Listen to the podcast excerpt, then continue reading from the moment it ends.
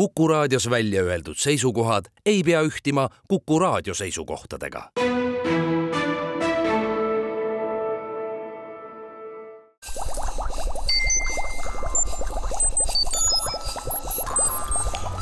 kukkuv õun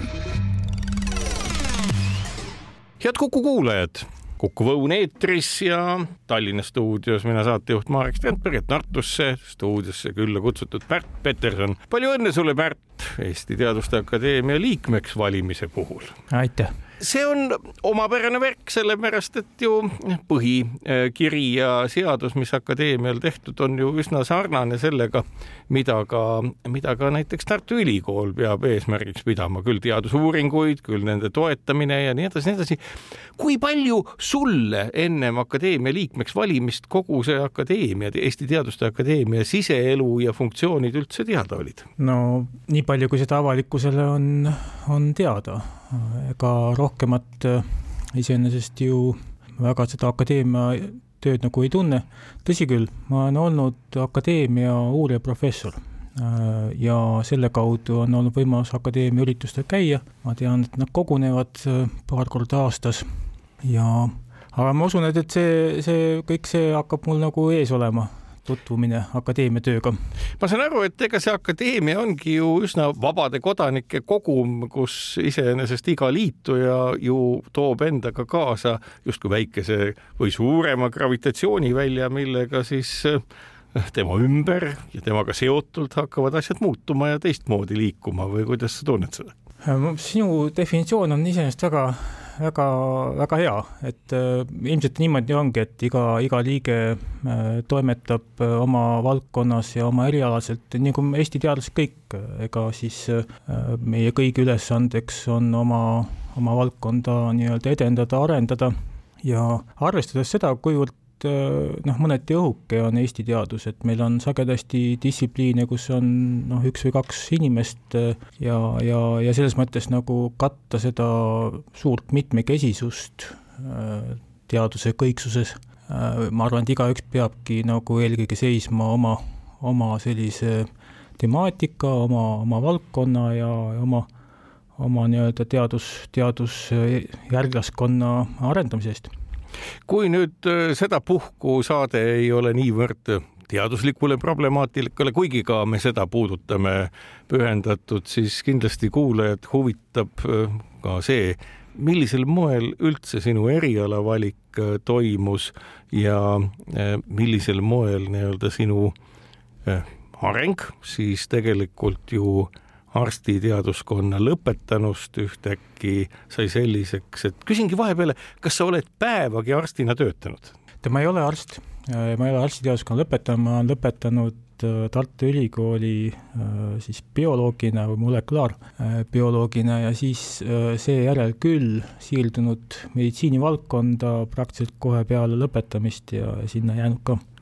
nüüd äh, sinu kodune õhkkond oli ju ka üsna teaduslik, et minulegi teadaolev etnograaf, etnoloog Aleksei Peterson on su isa. kui palju tema sind mõjutas, kui sageli ta püüdis sind püüdis sind kallutada, ütleme sellise humanitaaria poole või ta oli ka teadlane heas mõttes, et lasi pojal areneda suunas, mis talle endale pojale siis õige tundus? ja selles mõttes on tõsi, et ma olen tegelikult pärit humanitaaride äh, perekonnast ja nii isa kui ema olid ajaloolased ja isa oli siis etnoloogina, äh, juhtis Eesti Rahva Muuseumit. no tema, tema käest nüüd äh, kui oleks sellist võimalust küsida või õigemini tean seda ilma, ilma küsimatagi, et loomulikult tema oleks näinud mind mingites nendes jalajälgedes, mis, mida tema ees ees nagu tegi, aga mul juba tol ajal tegelikult päris noorena tundus äh, loodus äh, noh, täiesti üüratult huvitav. Ja ma ei tea, selles oli mingisugune tõeline tõmme ja nii palju, kui mina olen väga mitmete nii-öelda selliste bioloogia taustaga inimestega kokku puutunud, siis selline tõmme, ma ei tea, kas see on looduse ürgne kutse või mis see on, aga, aga see, see kuidagi nagu on sisse kodeeritud sinna paljude laste, laste lapsepõlve ja, ja, ja, ja seda siis noh, kas sellest areneb midagi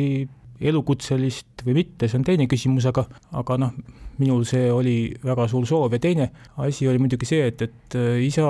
sussid olid nii suured tol hetkel, kui mina noor olin, et äh, ma lihtsalt ei oleks julgenud nendesse astuda siis kohe nii suur, et tegelikult küll jah, sellepärast et ega su isaga seondus väga paljut toona. minu enda kooliaegsed huvid olid ka humanitaarsed ja siis selle kaudu ma ka sellega kokku puutusin ja teadsin, kuigi ka minust ei saanud ühtegi humanitaarvalda ja selles vallas tegelevat inimest. nüüd edasi, kui erinev toona siis ütleme molekulaarbioloogia ehk et et äh, sajandivahetusel, ennem sajandivahetust tegelikult kaheksakümnendatel, üheksakümnendatel aastatel oli võrreldes sellega, mis täna on. et kui sulle keegi toona näiteks üheksakümnendate aastate alguses või su õpingutel Soomes oleks keegi öelnud, et vaadake, et kahekümne aasta pärast, kolmekümne aasta pärast on maailm selliste teadmistega, kas see oleks tundunud fantaasiana või kõik need ootused, mis geneetikat puudutasid, äh, olid juba moel või teisel formeerunud sellisteks, nagu me täna praktikas näeme? oi, kindlasti mitte. kui nüüd tagasi mõelda äh, tollesse aega, siis äh, no maailm on ikkagi totaalselt muutunud ja ütleme, kaheksakümnendate lõpp ja üheksakümnendate algus, ütleme nii, et Eestis selline noh, teaduse tegemine üheksakümnendate algul oli, oli ülikeeruline ja tegelikult kindlasti ka mitte selline noh, suund, mida üks tulevikku vaatav noor inimene peaks üldse tegema, et elus hakkama saada. pigem see oli nagu olukord, kus toimus nii-öelda ellujäämine. minu selline taust on seotud Tartu Ülikoolis oli keemiahoones molekulaarlabor, mis juhatas äh, Richard Willems ja, ja Mart Ustav ja seal oli ka Toivo Maimets ja, ja palju teisi, Andres Metspalu, et äh, nende inimeste äh, tollane teadusõhkkond oli niivõrd inspireeriv, et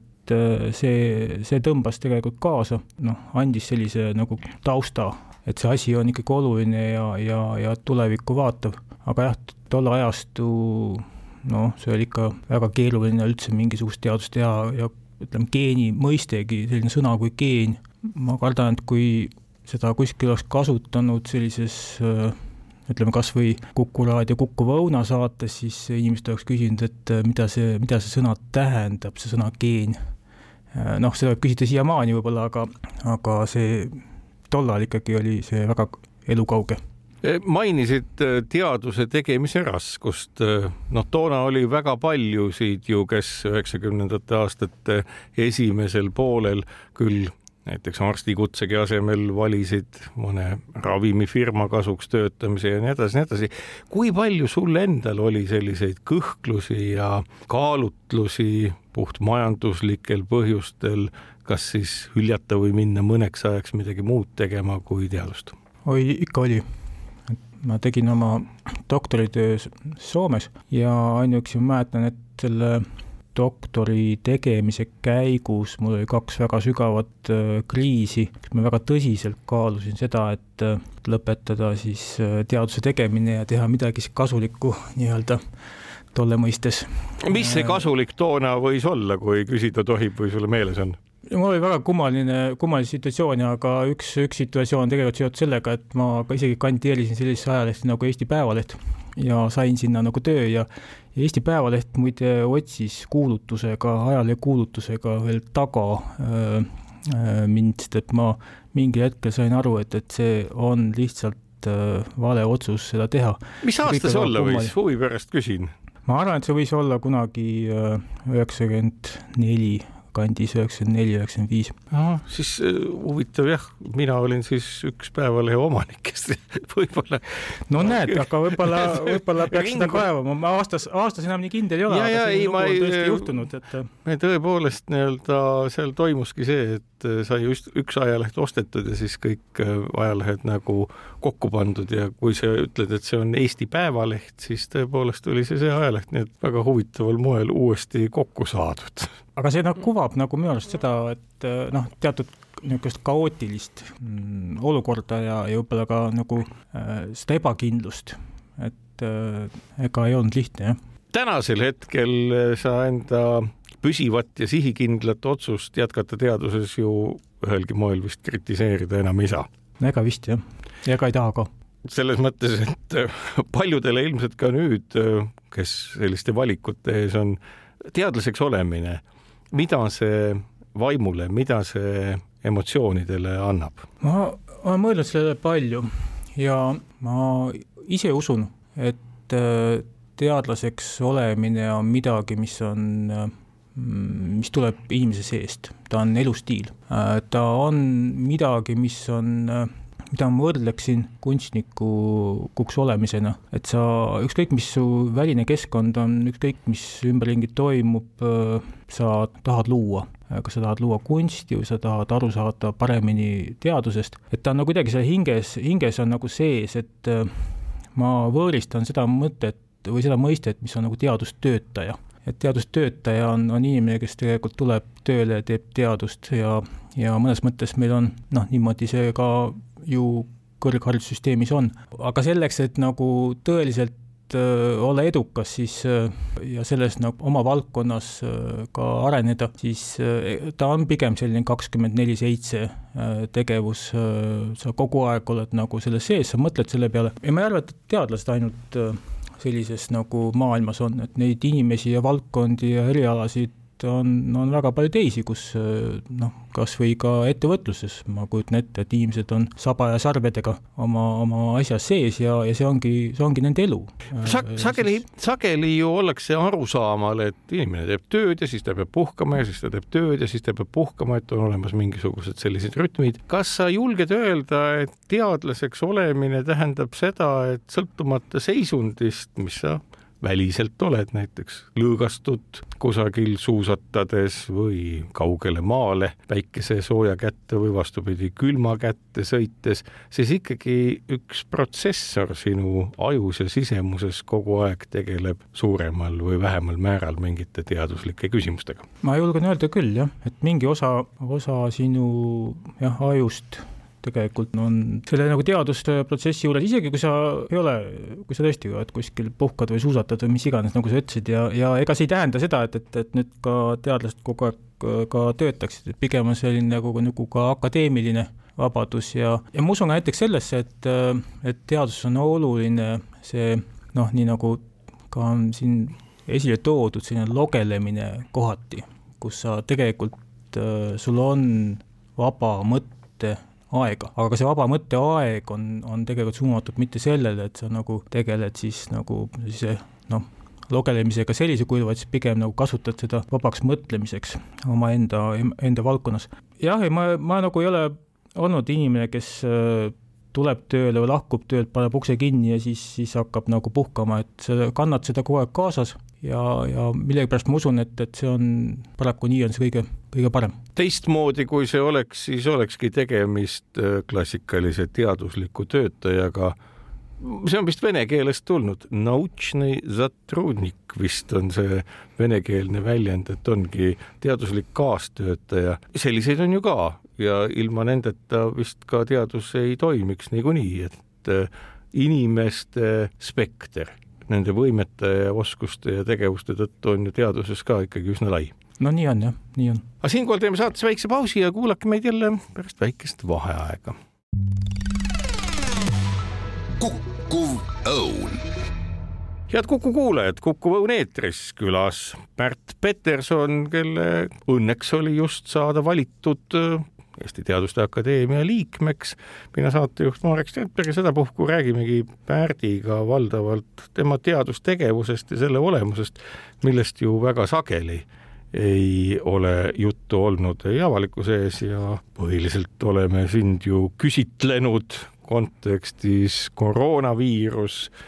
selle mutatsioonid ja muud sellised. aga nüüd eh, oma elu nii-öelda pöördepunktist mõnes mõttes sa juba rääkisid, et see oli see, et vastu panna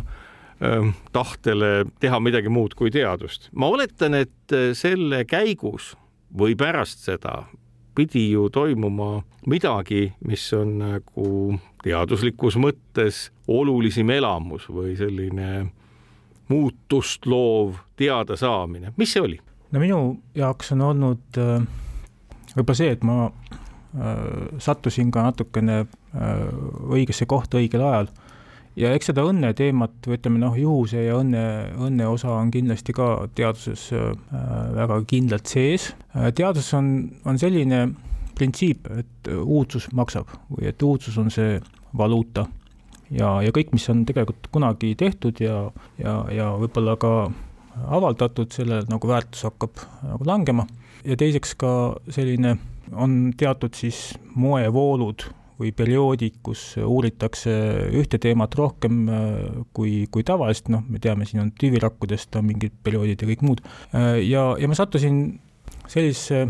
rühma, kus uuriti äh, ühte geeni, otsiti taga ühte geeni, mis tekitas autoimmuunseid haigusi. Ja meil õnnestus see geen kloonida ja, ja see hiljem muutus ka veel õpiku osaks, et ma suhteliselt noorena tõepoolest äh, vedas äh, sellisesse olukorda sattumisega. Ja päris mitu aastat oleme tegelenud selle geeni mõistmisega, mida see geen teeb. vedamine tähendab seda, et äh, see ei ole ju täielik juhus, see ikkagi tähendab seda, et õigel hetkel õigesse kohta minna, mis sageli tähendab seda, et oma sellisest koduülikoolist ja koduteaduspesast liikuda võimalikult kaugele. Kas see võiks olla ka meetod, mida no, omal ajal ka nii Soomes kui Rootsiski teadust tehes ma märkasin, et äh, mida teevad näiteks äh, hiinlased toona oma üliõpilastega, et ka nemad saadeti oma kodumaalt võimalikult kaugele ja võimalikult äh, kaugele ka teadusliku temaatika mõttes, loomulikult nemad kogusid informatsiooni väga sageli just selle jaoks, et nende omal maal teadus ja tehnoloogia edeneks, see võiks olla ju ka Eesti jaoks praegu üks selline üsna kindel laks nii toimida. no see, see on ju väga hästi teada, et ja, ja selline printsiip on olnud väga pikka aega ka, et, et kui noored äh, teadlased, kes on kaitsnud ära doktorikraadi, siis nad peaks minema järeldoktorantuuri välismaale või siis ka juba tõepoolest äh, ka varem, aga, aga mingil perioodil mm, üks teadlane peab käima väljapool oma koduülikooli,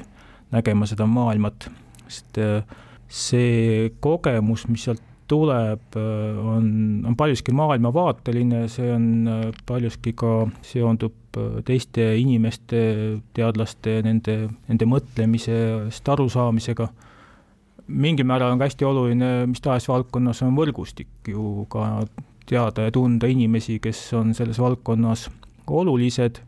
see võrgustik tekib siis, kui sa lävid teiste inimestega. Ja selles mõttes ma mõtlen, et, et välismaale minek on nagu väga-väga oluline. äh, teadlase karjääris. ilma selleta on ikka väga raske oma, oma sellist edukat karjääri ehitada üks asi veel ju, mis teaduses näib olevat noh, ütleme mõnes mõttes koormav või sellist vabadust äh, segav, mida ka Eestis ja Euroopas üldse, Mandri-Euroopas siis on leitud, on see pidev vajadus konkureerida ja tegeleda nii-öelda võidujooksuga, mille defineerijateks sageli ei ole ju keski muu kui needsamad äh, ajakirjade kirjastajad, kes kõikvõimalikke edetabeleid teevad, indekseid ja muud selliseid. noh, on rida maid, kus seda ei praktiseerita, samas ei ole seal teadusega üldsegi asjad kehvad, nagu näiteks Suurbritannia või Ameerika Ühendriigidki.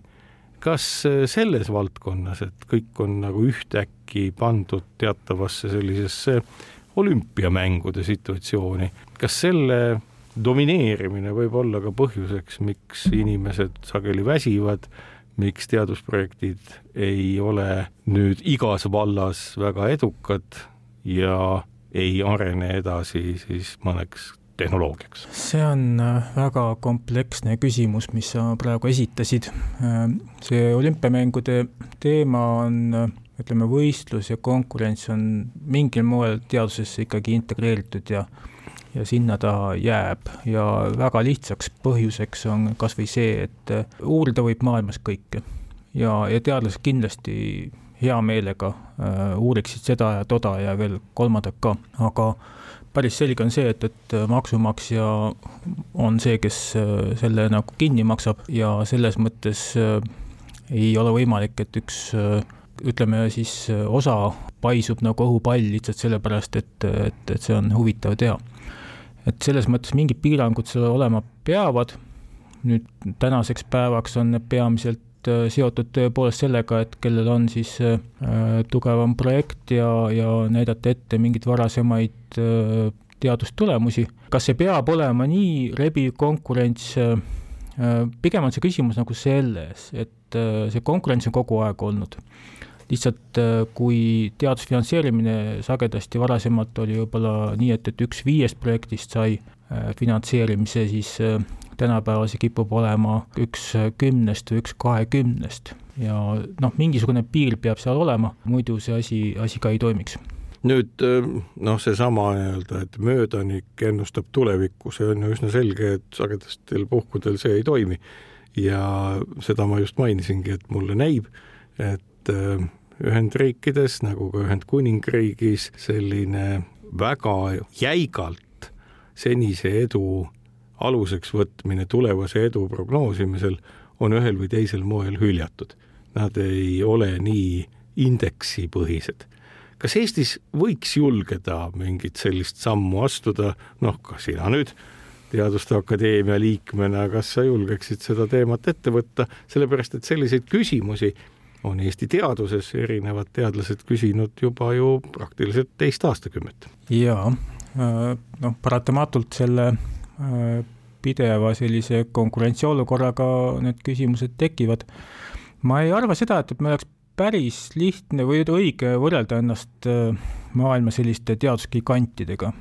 mis on siis tõesti USA ja britid ja tegelikult üha kasvava määraga Hiina kes paneb tõepoolest väga suuri summasid äh, arengusse ja kindlasti on niivõrd kasvav äh, teadusriik, et, et ikka lähiajalgi ületab paljusid Euroopa riike, kui mitte juba ei ole teinud seda praegu.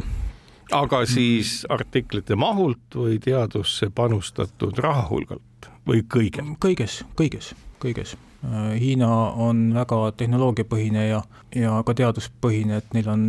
tõepoolest on tekkinud väga tugevad teaduskeskkonnad äh, ja keskused, nagu sa ütlesid, nad äh, saatsid väga pikka aega inimesi äh, nii-öelda lääneriikidesse, eriti USA-sse õppima ja, ja nüüd nad on paljuski neid ka tagasi kutsunud. aga mis ma tahaks nagu öelda, on see, et, et teaduse tegemine mingil määral on, on privileeg ka, et ega seda teadlased peavad nagu aru saama, et et kuskilt see raha tulema peab ja mingi selline mõte ja kasu sellest ka peab saama ja mulle tundub, et ka Eesti teadus on praegu liikumas üha rohkem selles suunas, et sellel teadusel oleks rohkem rakenduslikku väärtust, ka tulevikus üha rohkem otsitakse. see ei ole mitte Eesti trend olnud, vaid see on olnud ka väga pikka aega Euroopa Liidu teadusprogrammide finantseerimise suund, et äh, projektid, mida tehakse, oleks, oleks mingisugusel noh, ütleme ühiskonna äh, suurte väljakutsete lahendamisega. sama teed on läinud ka brittide üks suuremaid äh, fonde, mille nimi on Welcome Trust ja ilmselt on seda ka igal pool mujal. ma näen natuke sellist paradigma muutust, et, et teadlased noh, paratamatult teadlaste piirajaks on, on nende finantseerimine ja, ja, ja kuidas neid teadusprogramme välja kuulutatakse, mida finantseeritakse, siis see natukene suunab seda laeva selles suunas, et üha rohkem sellist rakenduslikku aspekti peaks selles äh, tegevuses olema. no ilmselt on üsna harv või ka väga raske toimida niimoodi, et olla samal ajal nii ettevõtja, teadlane kui õppejõud, et äh, võib-olla üksikutel see õnnestub no Eestis meil on mitmeid kogemusi, kus hea teadus on päris heaks tehnoloogiaks muudetud. üks näide vaieldamatult seesama skeleton, mis siis süsiniku nanomaterjali on suuteline moel või teisel siis superkondensaatoriteks muutma, aga ometi ettevõtlus ei edene mitte Eestis, vaid Soomes ja ennekõike Saksamaal nüüd on meil tekkinud teine samasugune asi, nimelt müüntomograafia tehnoloogia, mida Tartus siiamaani asuv ettevõte G-Scan edendab ja nüüd ongi täpselt see, et kui siin ju piisavat ettevõtlustuge ei leita, siis küll selline nutikas tehnoloogia kasutuse leiab kusagil mujal. kas sa julged väita, et meil võib olla teatav selline puudujääk just nimelt heade teaduslike ideede, mis on ju omamoodi nagu võrkpallis hea serv või sööt või kuidas neid iganes seda nimetatakse, pall on õhus. Ja siis kuidagi nagu lootes ühiskonna muude aspektide ja toimingute peale kukub see ikkagi potsti enda väljaku poolel maha või lüüakse teisele väljaku poolele ja sinna see jääbki. Ma, ma tegelikult näen seda, et Eesti on väike ja avatud riik, nii nagu me räägime sellest äh, ettevõtluse kontekstis ja majanduse kontekstis, nii ta on ka teaduse kontekstis. Ja ja pelgalt loota selle peale, et äh, nagu Eesti teadus äh, loob ettevõtteid, mis on noh, ütleme, unicorn'id siis maailmas ja see kõik toimub sujuvalt ja kergelt ja niimoodi jooksvalt, no see ilmselt ikkagi niimoodi äh, ei toimi. Ja ma näeks pigem seda, et, et kui on, on väga hea idee, ükskõik mis valdkonnas, aga ta on rakenduslik idee ja, ja kui selle Eesti teadlase idee korjab üles mõni Eesti väline firma, Äh, või vastupidi, äh, miks peaks ka Eesti firma või ettevõte korjama üles ainult Eesti teadlaste ideid, et ta võib ju korjata ka sama hästi seda ka Saksa teadlaselt. minu arust nagu selline mitmekesisus äh, ei ole üldse halb ja lõpuks eriti, kui see toimub Euroopa Liidu näiteks äh, riikides või ütleme, äh, meie mõistes lääneriikides, siis see on minu arust, on see väga, väga loogiline, et äh, loomulikult, kui on võimalik arendada midagi Eestis ja ehitada ettevõtlust Eesti teaduse baasil, siis see on, see on väga hea, aga, aga teisalt ka Eesti inimeste osalus nendes ettevõtetes, mis ei ole tingimata Eestis, või Eesti teadlaste osalus nendes ettevõtetes, mis ei ole tingimata Eestis, et ka see on väga tervitatav ja, ja lõpuks noh, ma, igasugune areng, interaktsioon on hea, et sellist väga piiratud torni ehitada Eesti kontekstis või ütleme, sellist toru, kus ingliskeelne sõna pipeline kus siis äh, Eesti teadlane mõtleb midagi välja ja selle pealt tuleb Eesti ettevõte ja, ja ta töötab ainult nagu, ehitab oma ettevõtluse Eestis, et see, kardan, et see, see on natukene, natukene naiivne. siinkohal teeme saatesse väikse pausi, kuulake meid pärast vaheaega edasi.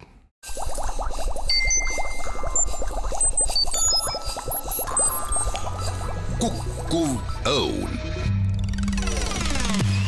head Kuku kuulajad Kuku Õun jätkub, külas Pärt Peterson, kes just Eesti Teaduste Akadeemia liikmeks valitud ja mina saatejuht Marek Strandberg ja teadusest laiemalt me ka kõneleme. see eelmine jutt oli täiesti arusaadav ja põhimõtteliselt jõudis ikkagi otsaga sinna ju välja, et ega äh, peamine, mis piirab ühe või teise Eesti teadusliku idee käimaminekut, on siis arusaadavalt kapitali kättesaadavus see, kes kapitali pakub, selle poole ju arusaadavalt ka idee omanikud pöörduvad. kui sageli nüüd jättes selle algusaegade kandideerimise Eesti Päevalehte kõrvale, kui sageli sina oma teaduskarjääris oled saanud ahvatlevaid pakkumisi tegelema minna just nimelt ettevõtlusega? ma olen olnud äh, nii mõnegi äh, ettevõttega seotud äh, seda ka varasemas perioodis Soomes ja ka praegu Eestis, äh, need on kõik olnud hästi teaduspõhised, et äh, ma ise leian küll, et äh, mingisugust sellist nagu takistust ettevõtlusega tegemiseks ei, ei ole ega, ega ei peakski olema. ma olen praegu ühe Saksa väiksema biotehnoloogiafirma nõukogus ja selles mõttes selliste lahenduste nagu noh, leidmine kas siin või sealpool või erinevates kontekstides on, on minu jaoks vähemalt väga loomulik ja, ja mõistlik. nüüd, kui tulla teaduse juurde tagasi veel kord, et äh, milline on olnud sinu jaoks võib-olla üks, võib-olla mitu sellist äh, suurimat teaduslikku üllatust heas mõttes, kas enda tegevuse või kogu selle valdkonna kontekstis, milles sa tegev oled? no see vastuse leidmine siia ei ole sugugi keeruline, et äh, ma arvan, et see viimaste aastate äh, nagu olukord, see pandeemia on kindlasti olnud noh, ma olen immunoloog, eks ole, ja kui ma oleksin viroloog, siis vastus oleks ilmselt sama. on olnud selle pandeemia mõistmine ja, ja, ja, ja võib-olla noh, eelkõige see, et, et kuidas siis inimene reageerib oma immuunsüsteemiga viiruse infektsioonile. Äh, SARS-CoV-2 puhul on ikkagi väga selline selge hingamisteede nagu nakkushaigus, seal kõlab natukene võib-olla kummastavalt, aga mõnel määral võib, noh, võib öelda, et äh, sellist teaduse arengut selle äh, viiruse ja immuunvastuse mõistmisel varasemalt kunagi pole olnud võimalik üldse teha, sellepärast et noh, et tegemist on, on inimestega, enamikel juhtudel me teadlastena uurime inimesi väga piiratud äh, arvudes ja enamasti üldse siis kuskil kasutades katseloomi. Äh, aga nüüd on toimunud sedavõrd suur globaalne noh. inimkatse. Inimkatse jah, ma ei tahtnud seda sõna kasutada, aga. ma ise aga kasutasin siis sa oled vaba sellest. jah, ja, ja seda tegelikult on, on võimalik nagu väga uurida et, et see kogemus ja, ja informatsioon ja andmestik, mis on siit kogunenud noh, aitab meid ikka nagu oluliselt, oluliselt edasi, pluss lisada veel siia juurde kogu uute vaktsiinide väljatöötamine ja kasutusele võtmise ja kuidas inimesed reageerivad uh, mRNA vaktsiinidele, et see, see kõik on ikka olnud noh, tohutu hüpe. ma saan aru, et uh, mõnes mõttes on see võrreldav kui eksperimendiga näiteks mõnes osakeste kiirendis, kus asi näeb ka välja niimoodi, et osakeste kimbud lendavad üksteise sisse ja siis käib üks plärts ja tulemuseks on see, et tekib tohutul hulgal kõikvõimalike kaasnevate osakeste jälgi ja trajektoore. andmeid on meeletult ja neid analüüsitakse aastaid. kas me võime öelda, et see täiesti tavatu viirus, milleks osutus siis Wuhanis puhangusse läinud koroonaviirus, põhjustas midagi samasugust ja me ilmselt analüüsime neid andmeid veel aastaid, kui mitte aastakümneid. ja kas need andmed on tänasel hetkel õnneks kusagil ikkagi olemas ja lihtsalt meie vaatlus jääb nende töötlemise taha? no ma julgen öelda küll jah, et äh, nii nagu neid tõesti osakeste katseidki äh, võib uurida kaua ja, ja aastaid äh,, nii on ka antud juhul tõsi, ma ütleks niimoodi, et äh, SARS-CoV-2 viiruse puhul on see kõik töö juba ka väga kiiresti toimunud, et äh, need teadmised alati nad võib-olla ei jõua ka avalikkusele äh, selles mõttes, et võib-olla nad ei paku seda huvi, sest et äh, seal on tegemist sagedasti väga peente detailidega, mida siis nagu on, on nagu seosed, mida on leitud. selles on tehtud ikkagi väga gigantlik teadustöö ja no mis kõige olulisem on see, et, et on tege-, päris hästi aru saada või mõistetud seda, et kuidas siis inimene ühele viiruseinfektsioonile reageerib, millised protsessid seal käima lähevad, on tõesti väga nagu teadusdetailsed teemad, aga see on, see on olnud jah, vägagi märgatav. kas ma võtan asja õigesti kokku, kui ütlen, et Covidi pandeemia oli see, mis lahendas ära küsimusi immunoloogia valdkonnas, ilmselt ka viroloogia valdkonnas, milleks varem ei olnud ühtegi muud võimalust peale mõne loomkatse, mõne üksiku kliinilise vaatluse ja nüüd ühtäkki kogu see probleemide hulk leidis kajastamist, andmed mõõtmist ja kõike muud sinna juurde. Ja kas on õige, et see lahenduste valdkond ei puuduta ju konkreetselt ühte viirust, vaid inimese immuunkäitumist oluliselt laiemalt? kindlasti nii see on, viiruseid on küll, tõsi, äh, väga mitmeid ja erinevaid ja on neid viirusi, mis äh, satuvad hingamisteedesse, on viiruseid, mis, äh, mis tungivad organismi teisel viisil, on sellised viirused, mis tekitavad tekitavad akuutset infektsiooni, on sellised viirused, kellega me koos elame, ehk siis me, nad on kogu aeg meie sees Neid on väga erinevaid ja nende mõningad niisugused nüansilised erinevused kõigis neis ka on. Ja, ja kindlasti, kui tekib ka uus, ütleme, mingi viirus või, või hakata nüüd äh, seda SARS-CoV-kahte koroonaviiruse immuunvastust võrdlema mingi teise viiruse immuunvastuseks, nüansse ja, ja erinevusi seal on, aga, aga mingid suuremad põhimõtted äh, on, on kindlasti olemas ja jäävad, jah kas selles kontekstis tunned sa õnnelikuna ennast, et sa ei valinud äh, meediatööd üheksakümnendate aastate alguses ja kas äh, sina ja su kolleegid nii-öelda on arutanud selle üle, et vaat kui hea, et me oleme ennast treeninud vaatama, tähele panema kogu seda immuunsüsteemis toimumist sedavõrd, et nüüd, kui see andmestik koroonaviiruse pandeemia tõttu meie ette tuli, me oleme oluliselt valgustatumad ja saame pakkuda väga selget arusaama. jah, äh, selles mõttes, et äh, teadlaste jaoks äh, oli pandeemia teke ühtviisi ootamatu kui kõigi teiste jaoks. et selles mõttes nüüd, nüüd on ikkagi võimalus, võimalus ka teha siit edasi sellist nagu teadust, mis äh, seondub nüüd, äh, kindlasti muudavad mRNA vaktsiinid paljuski äh, maailma, seda hakatakse rakendama üha rohkem ka teiste, teistes olukordades, algselt ta töötati välja ka kasvajate vastu ja, ja nagu on teada, siis see töö läheb ka väga aktiivselt edasi, kuidas kasutada neid ära kasvajate ravis. et, et selles mõttes nagu ma näen seda, et et äh, no mingid teemad nagu on, on, on need, mis äh, kindlasti ka on endiselt üleval ja ka koroonaviirus äh, võib öelda, et ta oligi paljuski seotud sellise vanemate inimeste haigusega ja vananemine ja immuunsüsteemi vananemine on selleks üheks peamiseks akseliks, miks, miks see haigus nii raske oli, miks meil see pandeemia jätkus ja oli. nüüd, kuidas äh, noorendada inimeste immuunsüsteemi, vanemate inimeste immuunsüsteemi, taas üks väga oluline teema, äh, edasi liikuda,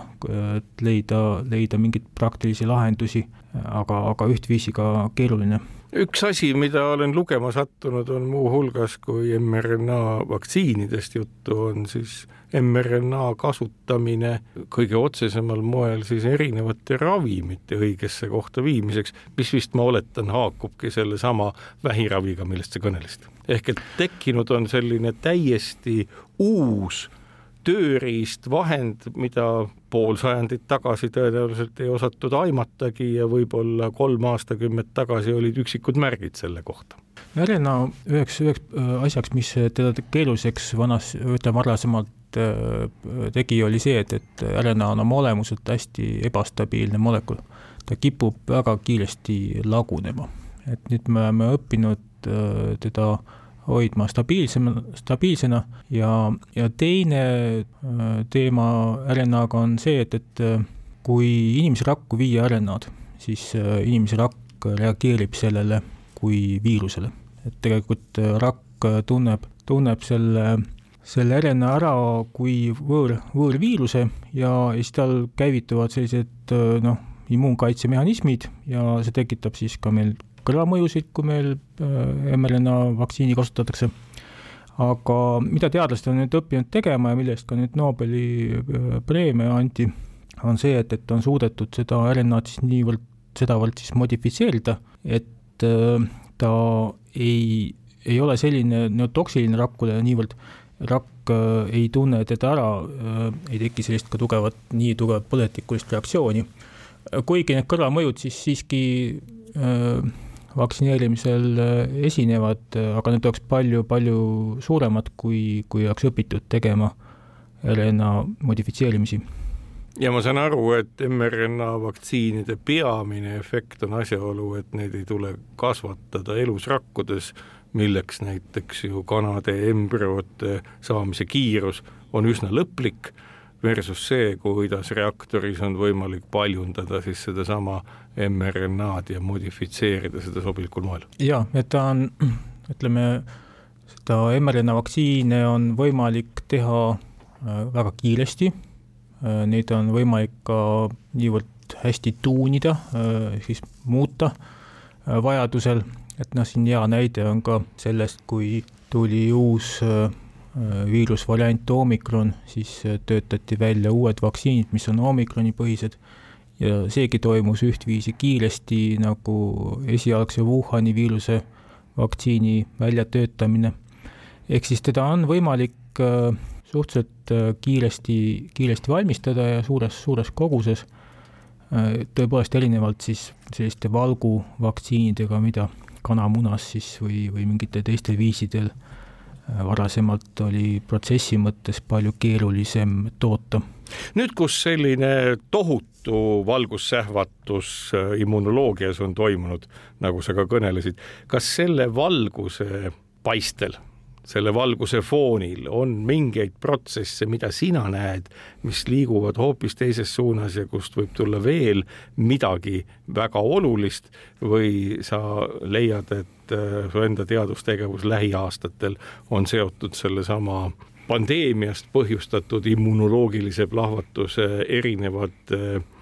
harude, lainete, voogude, trajektooride uurimisega? kui sa küsid et äh, nagu enda, enda perspektiivi, et ma kujutan ette, et väga paljudel maailma immunoloogidel või viroloogidel, teadlastel on tekkinud omad mõtted, et neid mõtteid on nagu väga palju erinevaid, aga enda perspektiivist vaadatuna me tegelikult tegeleme ikka edasi sellega, millega me tegelesime enne pandeemia perioodi, milleks on siis immuunsüsteemi vananemise mõistmine ja kuidagimoodi seda siis tagasi tuua äh, nooremaks ja, ja see ei ole kuskil kadunud, pigem see nagu pandeemia näitas äh, selle probleemi aktuaalsust. ja see oli ka tegelikult üks põhjusi, miks, äh, miks me ka oma teadustegevuses äh, läksime kaasa selle, selle nagu valdkonna uuringutega, sellepärast et noh, kui me mõtleme pandeemia peale, siis tegelikult oli see ju paljuski vanemate inimeste haigus ja, ja, ja ta on seda siiamaani tänini aitäh, Pärt Peterson, et said tulla Kuku Õuna saatesse kõnelema oma tunnetest seotult akadeemikuks valimisega Eesti Teaduste Akadeemiasse ja tegelikult ka su arusaamad teaduse arengust olid igati köitvad. igal juhul palju edu, jõudu ja tarkust, et äh, selle plahvatuse, sähvatuse valgel ikkagi peamist asja, kuidas inimest noorema ja tervena hoida mis on seotud otseselt immuunsüsteemiga, seda teadmist edasi ammutada. aitäh! sellega on Kukuva Õuna saade läbi, kuulake meid jälle täpselt nädala pärast ja kaunist päeva teile! kukkuv õun